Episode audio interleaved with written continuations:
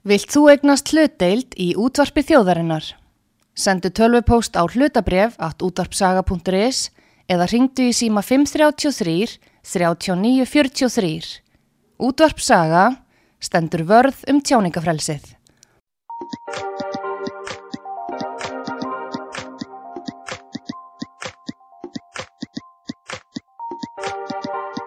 Það er Heilsan Heim sem býður upp á þennan þátt. heilsanheim.is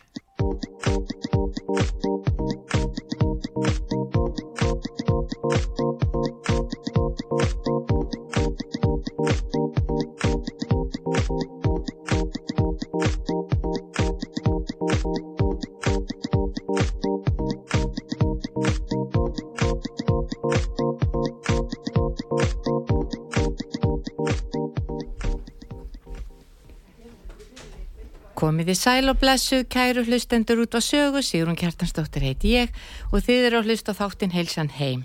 Gaman að vera komin til ykkar aftur. Í dag ætla ég að tala um mjög mikilvægt eh, efni og það er svefn, svefn, slökun og þetta tengist allt auðvita heilsu. Við mörg erum að glíma við það að eh, sofa illa, sofa lítið Sumir finna fyrir því, sumir finna ekki fyrir því en við ætlum aðeins að fara yfir það hvað svefnin er mikilvægur og hvað við getum gert og ímis úræði sem tengjast því. En þegar við tölum aðeins um svefnin að þá er talið að um 30% íslitinga sofi of lítið og fái óendu nærandi svefn.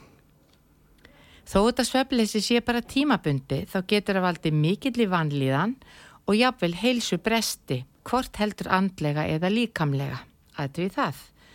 Það að sofa lítið og vakna þreyttur hefur ótrúlega mikil áhrif á daglitt líf okkar. Við eigum miklu erfiðara með að einbeit okkur, erum þreytt, pyrruð, þólum illa hvers kynns áreiti og álag. Og ekki mig við heldur gleyma því að raukugsun skerðist sem og geta okkar til að sinna vandasömmum verkum sem krefjast fullrar aðtikli og mörg okkar erum í vinnu þar sem aðtiklinar er verulega e, þörf og skiptir mjög miklu máli. Ekki myndu við vilja leggjast undir e, á skurðarborðið hjá lækni sem ekki hefur sofið vel eða er, er farin að þjásta sveppleysi og þreitu og ýmsum ennkennum tengdum því eða ekki myndu við vilja heldur að, að rútubílstjóri eða strætisvagnar bílstjóri sem keira allan daginn eh, börnin okkar og, okkur sjálf og er í umferðinni séu að glima við svefleysi þannig þetta er háalvarlegt mál svefnin e, Góður svefn er grunnstóð andlegrar og líkamlegar helsu en við skiptum oft grunnstóðunum í mataræði hreyfingu, svo kemur svefnin og það er eiginlega búið að bæta við einum þætti viðbót og það er svona jákvæð hugsun, svona gleði. Þannig að, að, að lengi vel þetta, var þetta bara mataræði, hreyfingin og svefni, þetta skipti miklu máli. En nú er bara verið að banka þess að dittnar hjá okkur með allskins vanlíðan eh, sem að trúlega þessi vestræni lífstíl og hraði er að gera okkur eh, erfitt fyrir með að bara jákveðinni það að vera í góðu skapi, geta lokað á uh, utan að koma þetta áreiti sem, sem skipt okkur ekki máli, við þurfum ekki að hlusta á allt, við þurfum ekki að taka allt til okkar. Allt þetta fer dáltið undir fjóruðu stóðina sem er í raun og veru hvernig við bregðumst við og hvernig við kjósum að, að verja deginum okkar, ég ætla ekki að segja eða deginum, að því ég kýsa að velja það að við, við veljum og verjum á góðan máta en ekki ef við erum að tala um að eigða þá erum við meira að tala um að, að, að, að hafa eitthvað fyrir stafni sem að hérna lætu tíma líða hraðar eða því okkur leiðist svo mikið þannig við ætlum að verja tímanum vel. En þessar grunnstóðir, þessar fjórar grunnstóðir eru gríðarlega mikilvægar og við þurfum að gæta þess að það sé gott jafnbæg og millið þeirra og við þurfum að gefa okkur tíma til að sinna þeim öllum af kostgefni. Uh, ég hef oft komið, uh, fengið goða gesti til okkar þar sem við hefum rætt um mataræði og við hefum líka rætt um hreyfinguna og ég hef líka fengið hana til mín, hana Erlu Bjöstóttir sem er mikil sérfræðingur í svefni og hún hefur emitt rætt svefnin og mikilvægi hans En í dag ætla ég aðeins að fara yfir svefnin og svona ímis úræði sem við getum nota til að láta okkur liða betur. E, því miður þá er svefnin stundum út undan hjá okkur. Við til dæmis í, þegar við byrjum í skóla þá lærum við leikveimi og heimilisfræði í skólanu frá unga aldri. En við lærum í raun og veru aldrei neitt um mikilvægi svefsins og það er lítið talað um mann almennt í skólakerfinu og ekki einu sinni í fræðsla vinnustöðum.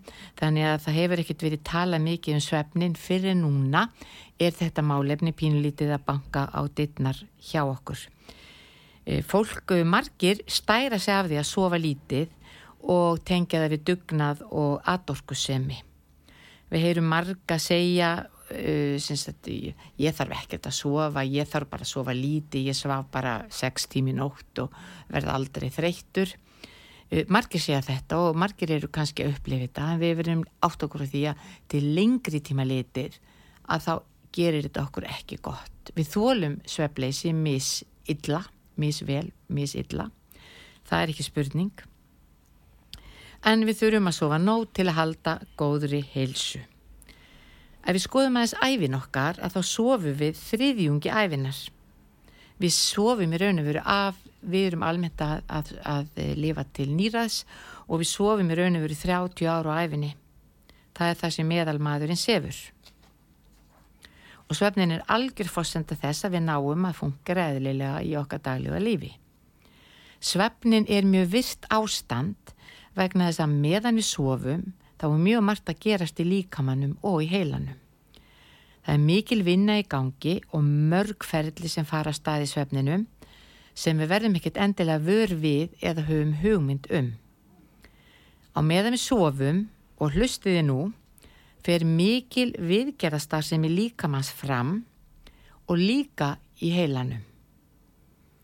Því má eiginlega líka því við að við bara skellum líkamannum á verstæði þegar við förum að sofa á kvöldin. Þess vegna skiptir greiðlega miklu máli að við sofum og sofum vel vegna þess að ef við gerum það ekki eða sofum lítið að þá er líka minn bara, þá á, fer þessi viðgerasta sem er bara síður fram og minna af henni. Þegar við sofum þá spörum við líka orku og við endur en nærum líkamann. Og það er þessi virka vinna sem á sér stað þegar við sofum sem er mjög mikilvæg og ekki gott að missa af henni. Það er að segja að með við sofum þá á sér stað mikil endur nýjun. Förumundnar okkar er endur nýja sig, Við erum að losa mikið af eiturefnum og úrgangi úr líkamannum. Við getum líkt heilanum okkar við svamp fullan af vatni og þegar við förum að sofi við nóttina þá losar hans yfir öll eiturefni og áreiti og þegar við vöknum aftur þá hefur ummál hans mikið mingað. Á meðan við sofum þá losum við okkur einni við ímis hormón og flokkum allt það áreiti sem hefur dunið á okkur yfir daginn allt sem við heyrum, allt sem við lærum yfir daginn, það eru við að vinna úr á nóttinni. Það er að segja þegar við sofum. Það er óbúslega margt að gerast á nóttinni. Bæði orkusbarnaður, endur uppbygging og endurnæring, ástand mikill í viðgerðastarsemi, bæði í líkum og heila. Allar frumurnar okkar eru að endur nýja sig. Svefnin okkar er ekki bara svefn, Svefnin okkar spila mjög stórt hlutverk í bæði líkamlegri og geðrætni heilsu okkar. Verkir og veikindi hafa einni mikil áhrif á svefnin okkar. Ef líkamli heilsa okkar er ekki góð þá getur það haft mikil áhrif á svefnin okkar og ef við sofum illa þá hefur það líka slæm áhrif á heilsun okkar. Þannig þetta er eiginlega báðu megin. Þetta virkar í báðar áttir. Með því að sofa illa þá getur líka með byrja að sapna bólgum og við það aukast líkur á ýmsum sjúkdómum. Við höfum oft talað um það að oft er bólgumyndin í líkamannum uh, orsök ímissa sjúkdóma. Það er að þegar við byrjum að sapna bólgur þá er hægt á því að ímsi sjúkdómar fara að gera vart við sig. Frumutnar okkar fara að hegða sér aðeins öðruvísi og ímislegt annað. Það verður ákveðin brenglun á ákveðinu hormonastar sem í líkamannum meðal annars hormónunum sem stýra hungurtilfinningu og settutilfinningu. Og þetta er eitthvað sem við ættum að hugsa pínulíti um vegna þess að mjög margir eru að berjast við, við þingdina sína og eru endalust svangir og eru endalust í megrun og endalustum kúrum. Þannig að það að sofa vel það að sofa nægilega lengi það hjálpar okkur pínlítið að stjórna þessum hormónum. En það er í raun og veru hormón sem stýra settutilfinningu og svengdartilfinningu þannig að það að hugsa vel um svefnin okkar er miklu, miklu, miklu, miklu mikilvægara heldur en við höldum og höfum í raun og veru verið að hugsa um hinga til. Þannig ef við sofum illa þá fyrir líka minn okkar að kalla á ímsa skyndi orku. Við förum að leiti einföld kolvetni, siguríka mat, fyturíkan mat og líka minn heldur líka fast í alla orku. Hann bara brennir minna. Hann sleppir engu, hann heldur bara fast í allt. Þannig er alveg sama hvað við gerum að hversu mikið við förum í raktina, hversu lengi við löpum, hversu oft við löpum eða hreyfum okkur, líka menn heldur bara fast í allt. Og kæru lustendur, eru þið ekki mörg þarna úti sem geti tengt við þetta? Ég get allavega tengt vel við þetta. Þannig getur svefnleysi haft mikil áhrif á þingdarstjórnun. Og þá er ég að tala um ef við verum að reyna að grennast, þá er það svefnleysi sem vinnur á mót okkur. Hormónin sem láta okkur vita hvort við erum svöng eða hvort við erum sött, þau bælast og þess vegna innbyrðu við fleiri kaloríru en ella. Líka minn er endalust að segja okkur að við séum svöng, við þurfum orku. Og líka við byrjum að borða og einhvern veginn líka minn segir okkur aldrei að við séum orðin sött, þannig að við borðum, við fáum okkur meira, erum endalust einhvern veginn að stinga upp í okkur bitum og mat.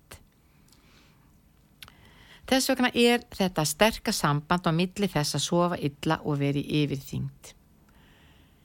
Og þó við séum bara að tala um litla yfirþyngd, því að margir eru bara að ergja sig yfir 5-10 kílóum, að þá getur þetta hjálpað okkur mikið og ef við vinnum verulega vel í þessu, að þá getur þetta snúið okkur pínlítið tilbaka. Ef við skoðum geðræna hilsu, að þá er líka samband á milli geðrætnarar heilsu og svepsis okkar. Sveipni, svepnin og heilsan eru samofinn. Langvarandi streyta og langvarandi ála gerir það ofta verkum að við sofum einnig mjög illa. Og ef við sofum illa þá eru við þreytt og þólum ver allskynns áreiti. Þráðurinn okkar er stittri, við erum viðkvamari og við verðum fyrr, pyrruð og þreytt, við þekkjum það. Við erum með minni varnir gegn streitu völdum, svona þreytt og til lengri tíma liti þá eru við líka auka líkurnar á ímiskonnar geðrænu vandamálum, sérstaklega kvíða, þunglindi og deburð og einni eru meiri líkur því að litla e, vikjara okkar og bara ónæmiskerfið okkar, bara við langvarandi þreyt og streitu, þá bælist það og við frekar hyrðum pestir. Hinn er ímsupestir sem er að ganga allan ásisring. Nú eru það ekki að ganga bara höstin, það eru bara meir og minna kveflensur, COVID, magakveisur, allt mögulegt, allan ásisring. Ef við skoðum aðeins svefnin okkar þá er þetta skipta svefninum okkar niður í nokkur stegi við nóttina. Fyrirpart nætur er djúbur svefn, ríkjandi, en setni partin sofi við léttari svefn og okkur dreymir meira. Við erum að vakna miklu oftar en við vitum af. Við erum að vakna um 10-20 sinnum hverja nótt en það eru bara nokkur sekundubrott uh, sem að þetta varir og við munum sjálfnast eftir því. Við erum að snú okkur við og erum að rumska aðeins. Við getum skipt svefninum okkar nýri nokkur stig, slökunar ástand, nokkur djúpum, djúpan svefn, djúp, já, erna, nokkur djúpan svefn, djúpsvefnin og draumsvefn. Það er djúpsvefnin sem er mikilvægastur og það er hann sem skilur okkur mestu. Það er allt að gerast. Hann skilur okkur kvíld og endunæringu. Förumbytnar okkar eru að endunæra sig og losa eiturrefni og í djúpsvefninum eru við líka flokka áreitin. Í djúpsvefninum myndum við til dæmis vakstarhormónin meðal annars og því er mjög mikilvægt fyrir börn og unglinga að fá nægilegan djúpsvefn. Þegar að, að börnin okkar í, sem er í skóla og við sjálf uh, erum að læra undir pró eða erum að læra mikið yfir daginn, læra nýja hluti, tilengu okkur nýja hluti, að þá er það í raun og verið yfir nóttina sem líka minn er að vinna úr öllu því sem við larðum og til einhverjum okkur yfir daginn. Þannig að það fyrir fólk sem er í prófum að halda það að það borgir sig að lesa bókina einu sinni enn yfir yfir nóttina fyrir prófið, það er ekki að gagnast. Það er miklu nær að fara fyrir að sofa og reyna að sofa vel, hafa allar aðstæður þannig að við sofum vel, því það er líka minn yfir nóttina, heilin sem er að vinna úr öllum þessum upplýsingum. Helstu ástæðu þess að við fáum ekki nógan djúpsvefn er óregla á svefnminstri, álag, streyta, verkir, veikindi, miklar hrótur oft að ekki sem nú tala um neysluminstrið okkar eins og neyslu á sigri, koffeinni, áfengi og slíkum uh, slíkri matvöru. Allt hefur þetta áhrif á svefgæðin okkar.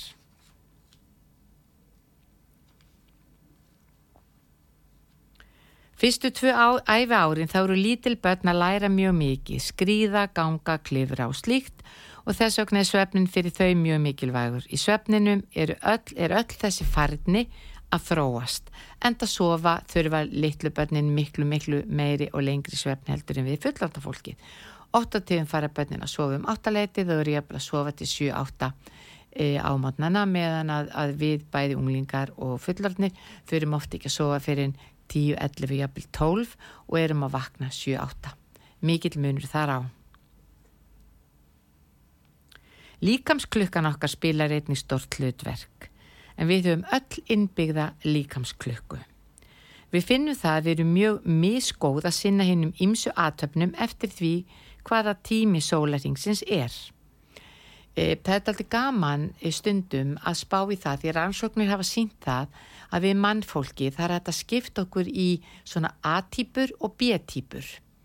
Og ég var á mjög, mjög skemmtilegum fyrirlestri í fyrra hjá danskri konu sem að talaði mitt um þetta, hún talaði um þetta bara í, í heilan klukkutíma, það sem hún var að tala um mikilvægi þess að bæði við sjálf vinnuveitendur og jafnvel fjölskyldu meðlimir þyrta átt að séu því að við værum mismunandi, sumir spretta upp á matnana, eldressir og bara fara að vinna strax og svo verða þeir kannski þreytari þegar liða tekur á daginn meðan að aðrir bara einhvern veginn koma sér ekki í gang fyrir undir hádegi og þá vinna þeir best og sumir vinna jafnvel best á kvöldin og nóttinni. Og þetta er ofta eitthvað sem er bara líkamlegt. Lítið við því að gera nema í rauninu veru bara að nýta sér þessa aðstöð og þekkingu og skipilegja þá vinnudagin eða það sem við þurfum að gera miða við það. Og það er engi sem segir að, að það þurfu að vera öðruvísi. En lengi vel þá var þetta bara alltaf þannig í öllum heiminum að það áttu bara allir að vinna frá 9-5 það áttu allir að vakna snemma og fara snemma að sofa. En núni í dag það er bara orðið meiri skilningur og umbyrjulendi fyrir því að við erum mísmennandi og það eru til dæmis vinnustæðir mikið farnir að taka tillit til. Og mér finnst það mikið gleði efni sem og líka bara líðan okkar sem einstaklinga að það er mikið verið að, að, að það er miklu meiri svona eins og segi bara skilningur og samtal um það enda ef okkur líður ekki vel að þá fungurum við illa hvort heldur í fjölskyldunni, samfélaginu eða í vinnunni. E, Ef við skoðum aðeins, sko til dæmis aðtípurnar eða almennt er það þannig að snemma morguns rétt áður við vöknum þá fer kortisol að flæðum líkamann og það er þetta streytuhormón okkar. Blóðþristingurinn hækkar skindilega og það er eins og líkaminn sé að vekja okkur og undibú okkur fyrir daginn e, tveim, þrejum tímum setna, setna þá er aðtiklinn mest. Ótta tíum ef við vöknum, átta þá eru við kannski góðu vinna ástandi, kannski milli, milli tíu og eitt þá er mesta aðtiklinn til að einbita sér að einhverju mikilvægu eins og uh, verkefnum, uh, einhverju sem uh, krefst þess að við hugsum eða tökum um nýjar upplýsingar. Eftir hátið er það svo samhæfingin og viðbraksflýtir og setnipartin er það veðvastyrkurinn. Það er best fyrir okkur til dæmis að stunda líkamsrækt setnipartin Þegar líðið tekur á kvöldin þá fyrir öll líkanstarfseminni hægja á sér, öndunin hægist, hjarslaftur hægist og blóðþrýstingurinn hægist líka. Líkamshittin lækkar, vöðvarnir slakna og líka með fyrir undir bósi undir svefnin og nóttina. Þetta er það sem við kannski könnumst flest við og flest okkar eru daldið í þessari A-típu sem að fer eftir þessu minstri. Farri eru hinnum einn og svo þeir sem eru í þessar B-típur hafa oftar en ekki bara lendi í smá leiðindum og jafnvel svona áreiti og einelti vegna þess að þeir eru ekki alveg að spretta upp á mótnana strax og tilbúinir í raktinni eða bara strax að stað. En þetta er líkamsklukkan okkar. Ef við sofum á daginn en erum vakant á nóttinni þá erum við að sofa skjön í raun og veru við líkamsklökun okkar og þá eru líkur að því að svefnin okkar verið grinnri og gæða minni. Við vöknum oftar upp því líkaminni starfandi eins og hann væri í vögu. Mannleg mistök eins og ég talaði um áðan að það skiptir máli ef við erum að sinna mikilvægum verkefnum sem krefjast eh, aðtigli og nákvæmni að mannleg mistök og slís má ofta reykja til svefleysis eða skorts á góðum svefni og mörg slís má reykja til sveppleysis. Og eins og ég sagði það, þá ættu til dæmis flugminn, laknar, hjúkunar, fólk sem hafa lífhóls í höndunum, alls ekki standa langar og erfiða vaktir. Og það er nú eitthvað sem að, e, ég held að sé nú aðsferð að skoða því lengi vel, þá voru, síst, það, þá voru var oft hjúkunar fólk og laknar, það bara stóð ótrúlega langa vaktir í talan ekki um laknanema og það á í rauninu veru bara engin að gera þetta út frá líkamsklukkunni okkar. Raukvöksunum okkar skerðist eftir verulega langvarandi vökur. Þegar við erum vaka lengur inn í átjón klukkustundir þá skerðist geta okkar til ímissa verka, til dæmis eins og aga bíl, heilmikið. Við erum orðin jafnvel hættulegi umferðinni. Þannig við skulum passa okkur pínulítið e, á þessu.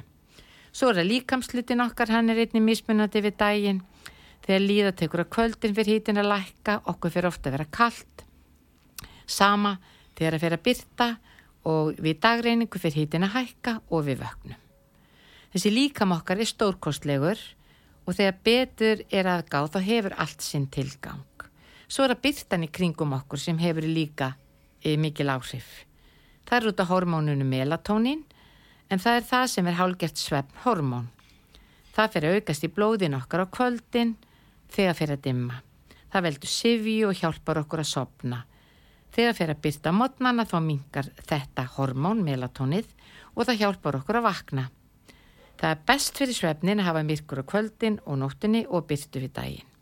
Og þess vegna eru við íslitingar, e, við á íslitingar erum oft með myrkvunatjöld þegar að fyrir að byrta og, og jafnvel það, það, er, það er langur tími þar sem það er byrta bara vel yfir alla nóttina og þá notum við bara uh, myrkvunatjöldin okkar og svo eru margir líka sem að nota svona uh, eins og einhvers konar um, skílu yfir augun, einhvers konar hérna, þetta er eins og hálfgeir gleru bara úr efni sem að hérna svona augnkvílu og sofa mjög vel hérna með það. Maður sá þetta mikið í bíómyndanum en fólk er aðeins farið að nota, nota þetta. Og svo er önnur byrta sem er líka slæmsur í svefnin okkar en það er til dæmis byrta sem kemur frá tölvum, símum og ýmsum ráftækjum þannig að við eigum í raun og veru ekkert að vera mikið að, að eh, sérstaklega sent á kvöldin að vera að nota þessi tæki alls ekki hafa þau upp í rúmi og það er ekki talið gott fyrir svefnin og svefleysi að vera til dæmis með sjómarpin í herbygginni og, og enda í raun og kvöldstindina sín á því að horfa þátt í sjómarpinu síðan slekkur þau bara líkjandi sjónvarpinu, líkjandi rúminu og fer að sofa. Akkurat, en eins og ég segði á þann að þá uh, á Íslandi mikil byrti við suma tíman og þá rugglar aðeins líkamstar sem er nokkar. Þess vegna notur við gluggatöldin og blokkir undaldi fyrir byrtuna. Og svo finnum við það líka að það er vond að vakna í myrkri og fara í vinnuna og koma líka heim í myrkri eins og er til dæmis í skamdeginu, við finnum aðeins fyrir því og við íslendingar eru mikið farin að, að eh, setja jóleljósin fyrir upp, bara jafnvel í byrju november, jafnvel fyrr og svo erum við jafnvel bara sum ennþá með þau og ætlum bara að hafa þau þanga til fyrir að byrta, það er ekki dörvísu. Það skiptir miklu máli fyrir okkur. Það sem mig langaði að ræða aðeins um núna er í raun og veru hvað við getum gert e, til þess að sofa betur og, og það er ímislegt verið að, ímislegt nýtt komið sem skiptir okkur miklu máli sem getur, hérna, getur hjálpað okkur. En það er, er, er eitt sem ég langaði til að tala um við ykkur, það er í raun og veru þessi slögun og hugaró sem við þurfum að fara að vinna pínilt í.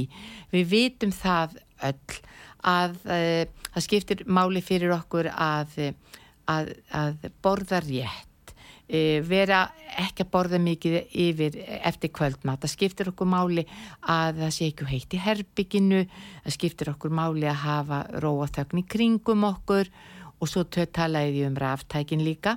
Þannig þetta er allt þættir sem við getum pínlíti haft áhrif á og svo náttúrulega líka bara að, að reyna að koma okkur í ró fyrr, lokaða öll, öll, öll svona áreiti frá, frá ljósum og tækjum, komið okkur upp í rúm aðeins fyrr og reynd að sopna fyrr. En það sem er að gerast núna e, í þessum vestræna heimi og hefur reynda verið að gerast í smá tíma en, en er e, e, að mikið aukast á Íslandi.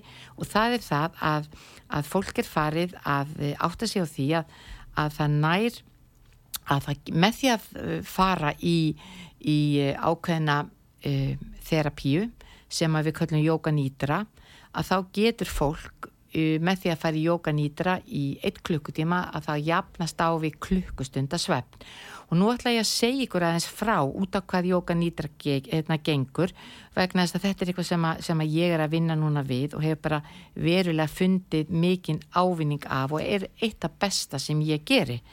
En sem sagt jókanýtra er svona tiltöla orðin nývin er orðin vinsalt á Íslandi. Við höfum auðvitað verið að stunda jóka við höfum verið að stunda hot yoga og alls ímsar tegundir af yoga og tegjum. Það verður ekki mikið verið talað um nýtri en það hefur samt verið e, bóðið upp á það í nokkuð mörg ár en nú er þetta aldrei verið að setja e, aldrei e, glerugun á það en yoga nýtra eru nútíma vatt og öflust lögunar og hugleislutakni sem ásir staði undir meðutundinni. Þegar við förum í yoga nýtra þá finnum við okkur í ástand á milli sveps og vöku þar sem meðvitund og ómeðvitund mætast. Þegar við förum í jókanýtra, jókanýtra er kent á mörgum stöðum, það er, e, þú er raun og verið átt erfitt með að fara í jókanýtra sjálfur nema þú sért á að hlusta á jókanýtra podcast eða einhver, upptöku, en mikið af líkamsrækt á stöðunum og e, þetta líka, líka e, ákveðnum svona jókastúdíum er að bjóða upp á jókanýtra og og sem sagt ég er núna í nokkra mánuði búin að bjóða upp á Jóka Nýdra í World Class og ég bara finn ávinningin og það bara ekst og ekst eh, ásóknin í þessa tíma og það eru bara langir, langir bygglistar vegna þess að fólk finnur ávinningin. Sins þegar við förum í Jóka Nýdra, nú ætlum ég bara að lýsa svona Jóka Nýdra tíma fyrir ykkur að þegar við förum í Jóka Nýdra og ég er einmitt að byrja með nýtt Jóka Nýdra námskeið sem ég kalla slökun og hugaró á morgun og 50. 13. februar uh, ég, þetta er eitt tími viku og eins og ég segi eitt klukkutíma viku er eins og við fjagra tíma svepp og þegar við fyrir með Jóka Nýtra þá komum við inn í salin og hann er, hann er eh, ég allavega er með hann sko, ég er bara slekk ljósinn fólk leggst niður, leggst á baki þegar ég þægilega stellingum lokar augunum og kemur sér vel fyrir og semst þegar við fyrir með Jóka Nýtra þá er, farið með ákveðin texta allan tíman og yfkandin er beðunum að sopna ekki og hafa svona vakandi vitund. Þannig að Jóka Nýtra þá sopnu við ekki en við að hlustum á rött kennarans eða leipinandans en lókum raun og vera á öll önnur utan að koma til hljóð. Og við skoðum aðeins pínlítið það sem gerist síðan í huganum okkar í þessu ferli þessi slökunatækni, Jóka Nýtra, hefur gífulega góð og róandi áhrif á taugakerfið okkar, bætir andlega líðan, endunæri líkamann og dregur úr streitu.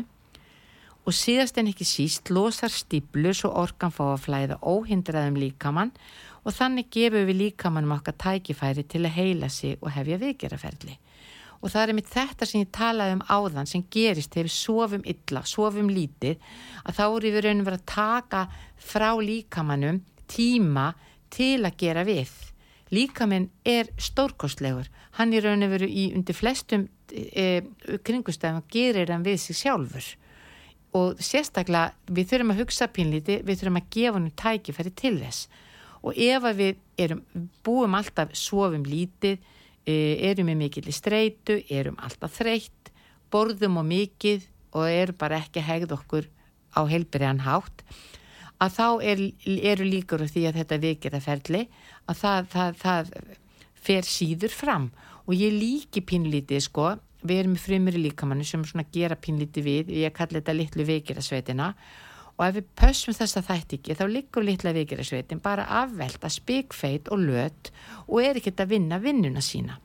En með því að sofa vel og passa þessa þætti, borða góðan mat, reyf okkur skynskamlega, reyna að fóra streitu og álag, að þá höldum við vikirasveitin í góðu formi og þá er hún bara sérstaklega yfir nóttina, allan daginn er hún auðvitað að vinna líka, en yfir nóttina fyrir allt í gang og þá er hún bara þeysast um og gera við og þetta skiptur okkur máli og það er það sem gerist þegar við við erum fyrir í þetta ástand í jókanýtra að þá látu við orkun að flæða og þannig gefum við líka manni tækifæri til að heila sig og hefja vikiraferli.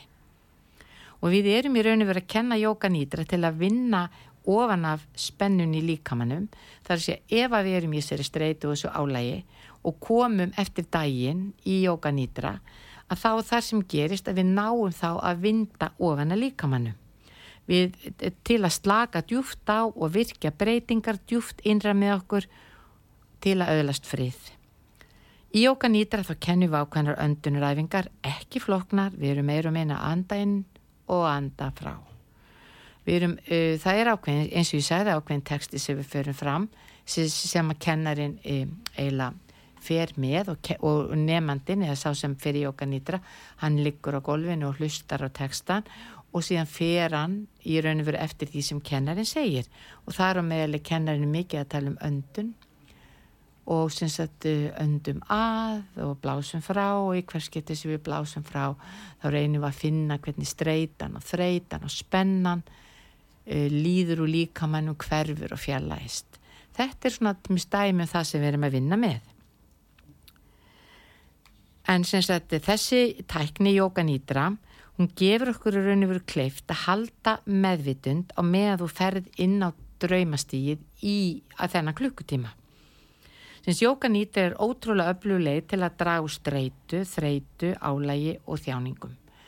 Þannig að þetta er í rauninu verið svona daldið svona nútíma tækið til að vinna gegn þessum vestrænu áhrifum sem að við erum daldið búin að henda okkur í á und, und byggnusatt bara undarfartna ára tugi.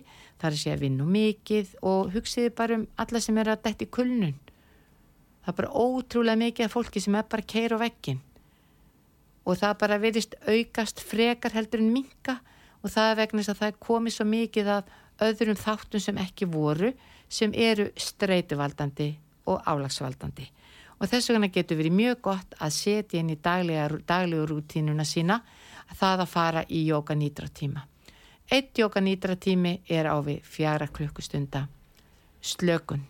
Og í á, syns, og, syns, í, í, á þessum klukkutíma að þá kemur þau líkamannum á það stig að litla vikir að sveitin fer í raun og vera að laga til. Í okkar nýtra þá draugum við pínu aðtiklina inn á við, þetta er pínu hugleisla líka.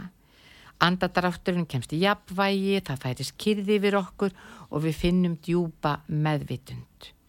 Og markmiðið í okkar nýtra er að róa hugan, ná djúbri slökun og með við komist á stig fullrar meðvitundar og þetta meðvitund og ekki, ekki, ekki meðvitund er pínuflókið en við áttum okkur á því bara um leið og við komum í jókanýta því við, þetta, er ein, ein, þetta er mjög e, einfalt. E, við bara komum, leggjum sniðu, komum þægila fyrir lókum augunum, gott að setja hanglaði til dæmis yfir augun og síðan fer kennari með okkur í ákveði ferðalag og í þessu ferðalagi þá fyrir við á þetta stig þar sem að við erum veru uh, Við sopnum ekki en við erum með fulla meðvindun en komum líkamannum í þetta, stand, þetta ástand. Emmitt, emmitt, algjörlega. Og sem sagt við vinnum með orku líkamanns og þannig náum við að losum stíplus og orkan fá að flæða óhindraðum líkamann og það er þetta viðgerðasferli sem litla viðgerðasveitin þarf að komast í. E, Eins og ég sagði á þann að þá lifum við bara í mjög hrjöðum heimi, það er alltaf erfiðar og erfiðar að finna þennan ofttaka. Tómstundirnar okkar eru orðnar jafn stressandi og vinnan okkar. þegar við erum að skoða kulnun að þá ofta tíðum er fólk að tengja kulnun við ómikið álag í vinnunni en það er alls ekkert svo. Það er jafn mikið álag oftar en ekki og jafnvel meira álag bara allar tómstundirnar, hvort sem það eru við sjálf eða fjölskyldan, þannig að við búum í ótrúlega mikilli streitu og miklu álægi. Þannig að það eru, það eru margar svepp vanasálir þarna út á meðalokkar og, jafnvel, e, og við jafnvel sjálf e, svepp vana og þreytt. Það skiptir greiðilega miklu máli fyrir okkur að reyna að finna ofttakan okkar og reyna að kvílast. Það stund að jóka nýtra, ég mæli pínu með að ef þið eru á þessum stað, eh, kæru hlustendur, að þið bara eh, finnið fyrir, eh, að þið sofið illa, finnið fyrir ómikið þreitu, áleg og streitu, eruð ekki að kvílast á nóttinni, sofið fá að tíma, þá myndir ráðleik ykkur að prófa jóka nýtra tíma. Það þegar þið komið í jóka nýtra tíma, þá er raunveru það er bara undatekningalust að fólk segir þegar það lappar út að það lapar út algjörlega endunært. Það gerir það á líkama og sál. Því að jóka nýtara vinnur gegn þessum hraða, vinnur gegn þessum vestræna lífstíl, þar sem að taugakerfið okkar er sífælt þannig, það er sífælt á hundrað. Með því að hlusta og taka á móti því sem kemur upp í hugan og kemur upp í líkamannum í jóka nýtara, að þá stundum bara e, þá e, vilja vandamálin okkar í huganum og líkamannum stundum þá bara komast þau í jafnvægi og hreinlega leysast upp og það er alltaf gaman að gangi gegnum svona jóka nýtra tíma og finna það e, hvernig við náum að slaka og hvernig líkaminn verður þungur, heitur og slakur við hlustum á rött kennarans förum eftir leiðbynningunum og svo fara alls konar hugsanir og minningar og, og myndir að streymin í kollin og og við fyrirum að vinna úr því samt sem áður með leiðsögn kennarans. Stundum þetta út og sopnum aðeins, það er allt í lægi, en ef við fyrirum að hljóta þá pikkaði í okkur, það gerir stundum. Svo er þetta pínliti sem við æfum okkur pínliti í. Við til dæmis eh, notum öndun allan tíman, öndun djúft að og blásum frá og fylgjast með kviðnum, naflanum og brjóstkassanum liftast og síga. Eh, við lókum og öll utan að koma til hljóð þannig að þó að það flöyti bíl fyrir utan gluggan á rýminu sem við erum í þá heyrum við það ekki, við bara heyrum rött kennarans og við finnum og skinnjum öndunina og finnum slökunina, hvernig slaknar á öllum líkamannum, finnum hvernig til dæmis fyrst svona hugsanir, óþægilegar hugsanir að það er hverf og fjallægast og svo finnum við hvernig slaknar á líkamannum og hann verður þingri og slakari og heitari. Þetta er bara ótrúlega eh, góð tilfinning og algjörlega þess virði að prófa. En sem sagt, eh, við getum ímyndað okkur pínlítið, sko, við þurfum í raun og veru líka að gera eitt. Við þurfum að sleppa tökunum á streitu og spennu og öllu sem að, eh, já, eiginlega öllu eh, áreiti sem að, sem að bæði kemur á okkur og við jafnver veljum sjálf og við erum að hætta að dæma okkur sjálf hætt að dæma okkur sjálf, hætt að dæma alla aðar í kringum okkur, hætt að bera okkur saman og reyna pinlítið bara að gefa okkur á valdi okkar eigins eh, sjálfs og lífin yfir höfu, vera pinlítið bara uh, í nú, uh, nú núvitindinu og ég kalli þetta oft bara ég.is, ég.is í dag. Ég ætla ekki að eigða tímanum í því, í það að vera ergja mig við því sem er búið. Ég get ekki breytti alveg sama hversu vond það var að ég get ekki breytti að það er langt best að hugsa þú veist, þetta er bara lærdómur sem ég læriði og alltaf þegar við lendum í ykkur erfiðið að vondu, þá lærum við á því og svo byggjum við á því og reynum að forðasta eða hegða okkur öðruvís ef þessar aðstæðu komið upp aftur. Síðan er auðvitað gott að vera skipulagður og hugsa um framtíðina spara og, og gera ykkur smá plön en við erum ekki að býða eftir framtíðinni við erum ekki alltaf að býða eftir að við séum að fara í ferðalag eða við séum að verða uh, komast í kjörþyngd eða fara í eitthvað bóð við verðum að lifa einn dag í einu, við verðum að lifa í dag og verðum að hugsa þegar við vöknum á mótnana uh, hver er ég og hvernig ætla ég að, að verja þessum degi? Hvað get ég gert skemmtilegt? Og svo þurfum við líka pinlítið að hugsa um allt áriði í kringum okkur Þurfum við að taka marka á öllu sem er sagt við okkur? Nei. Það er fullt af fólki í kringum okkur. Við erum að hlusta á slæmar fréttir, fólki í kringum okkur er að segja okkur hluti, segja okkur hluti um okkur sjálf. Við vitum best og getum algjörlega valið og hafnað hvað við tökum til okkar, hvað við hlustum á. Og það eigum við að gera. Við þurfum ekkert endilega að segja viðkomandi að hann hefur rangt fyrir sér eða þetta sé vitleysa. Okkur er bara slett sama. Við bara heyrum það ekki. Og fólk sem er í kringum hann sem er alltaf neikvægt, alltaf að einhvern veginn koma öðrum í eitthvað uppnám uh, til þess að upphefa sjálfan sig eða fá aðtikli ef við hættum að hlusta á það að þá hættir það allavega að, að, að, að pyrra okkur eða hafa áhrif okkur algjörlega en uh, uh, þetta, þetta er svona hlut af því sem við getum gert varðandi það að láta okkur líða betur. Þar að segja Uh, ef við hugsaum um þessar fjórar grunnstóðir sem ég byrja að tala um. Ég byrja að tala um það er uh, hreyfingin okkar, það er mataræðin okkar það er svefnin og síðan þetta jákvæðnin. En það er þessi svepp sem við erum að tala um núna. Og það er daldið hræðileg tala að hugsa um að 30% af mannfólkin í öllum heiminum ekki bara í Íslandi eða í ykkurum löndum sem að mikil streyta er. Að það er bara almenna reglinni svo að 30% af e, fólki sefur of lítið. Og ef við tökum tíum manns á vinnustaf þá eru örgulega þrýr sem eru vansvefta. Og við getum verið hérna einn af þeim. Þannig þetta þurfum við að taka pínu alvarlega og það er fullt af hlutum sem við getum unni með og mér langar pínlítið, mér langaði pínlítið til að láta ykkur vita af e, Jóka Nýtra sem er þessi slökuna hugaró sem við náum sem sagt bara með því að fara. Þetta er mjög, einst, mjög einfalt að við erum förum í jókatíma þar sem við leggjum sniður og kennarinn fer með okkur í gegnum þetta og við förum í gegnum þetta ferli þar sem við komum í, í raun og veru líkamannum á það stig að hann losa sér við þreitu og streitu og litla vikir að sveit, sveitin fer líka fær tíma til að gera við og fer að gera við. Og þetta skiptir greiðlega miklu málu og miklu miklu meira máli heldur en við nokkuð tíman höldum. Og uh, ég bara skora á ykkur að uh, prófa. Það er gaman að fara og prófa eitt tíma svo getið þið ákveðið hvort þetta er eitthvað sem þið viljið setja ykkur setja inn í lífstílin ykkar en sem sagt ég heiti Sigrun Kjartansdóttir og ég er að byrja með uh, Jóka Nýtra námskeið eða námskeið sem ég kalla slökun og hugaró. Og ég nota jóka nýtra í tímanum, þetta er klukkutími einu sinni viku. Það er ekki flókið, það geta allir setta inn í dagskrána sína. Millis 16.15 til 17.15 það sem að ég vinn með jóka nýtra akkurat í þessu og ég get alveg lofað ykkur því, lofað ykkur því að, að þetta er eitthvað sem að sem að, sem að ykkur mun, mun líka vel við og þið komið alveg, alveg endur narð út.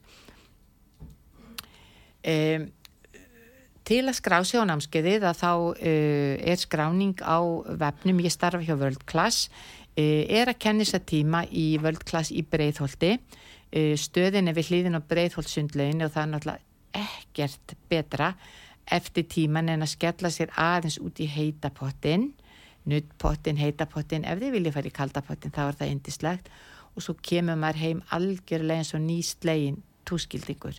En námskeið sem byrjar á morgun er 5 vikna námskeið, einu sinni vik og 50 dögum 16, 15 til 17, 15 og skráningin er, það er bæði þetta að ringja í afgriðsluna hjá völdklass eða skrá sig á vefnu sem er langt best og það er völdklass.is skástrygg ný námskeið, Sigrun Kjartansdóttir heiti ég og þetta námskeið heiti Slökun og Hugaró.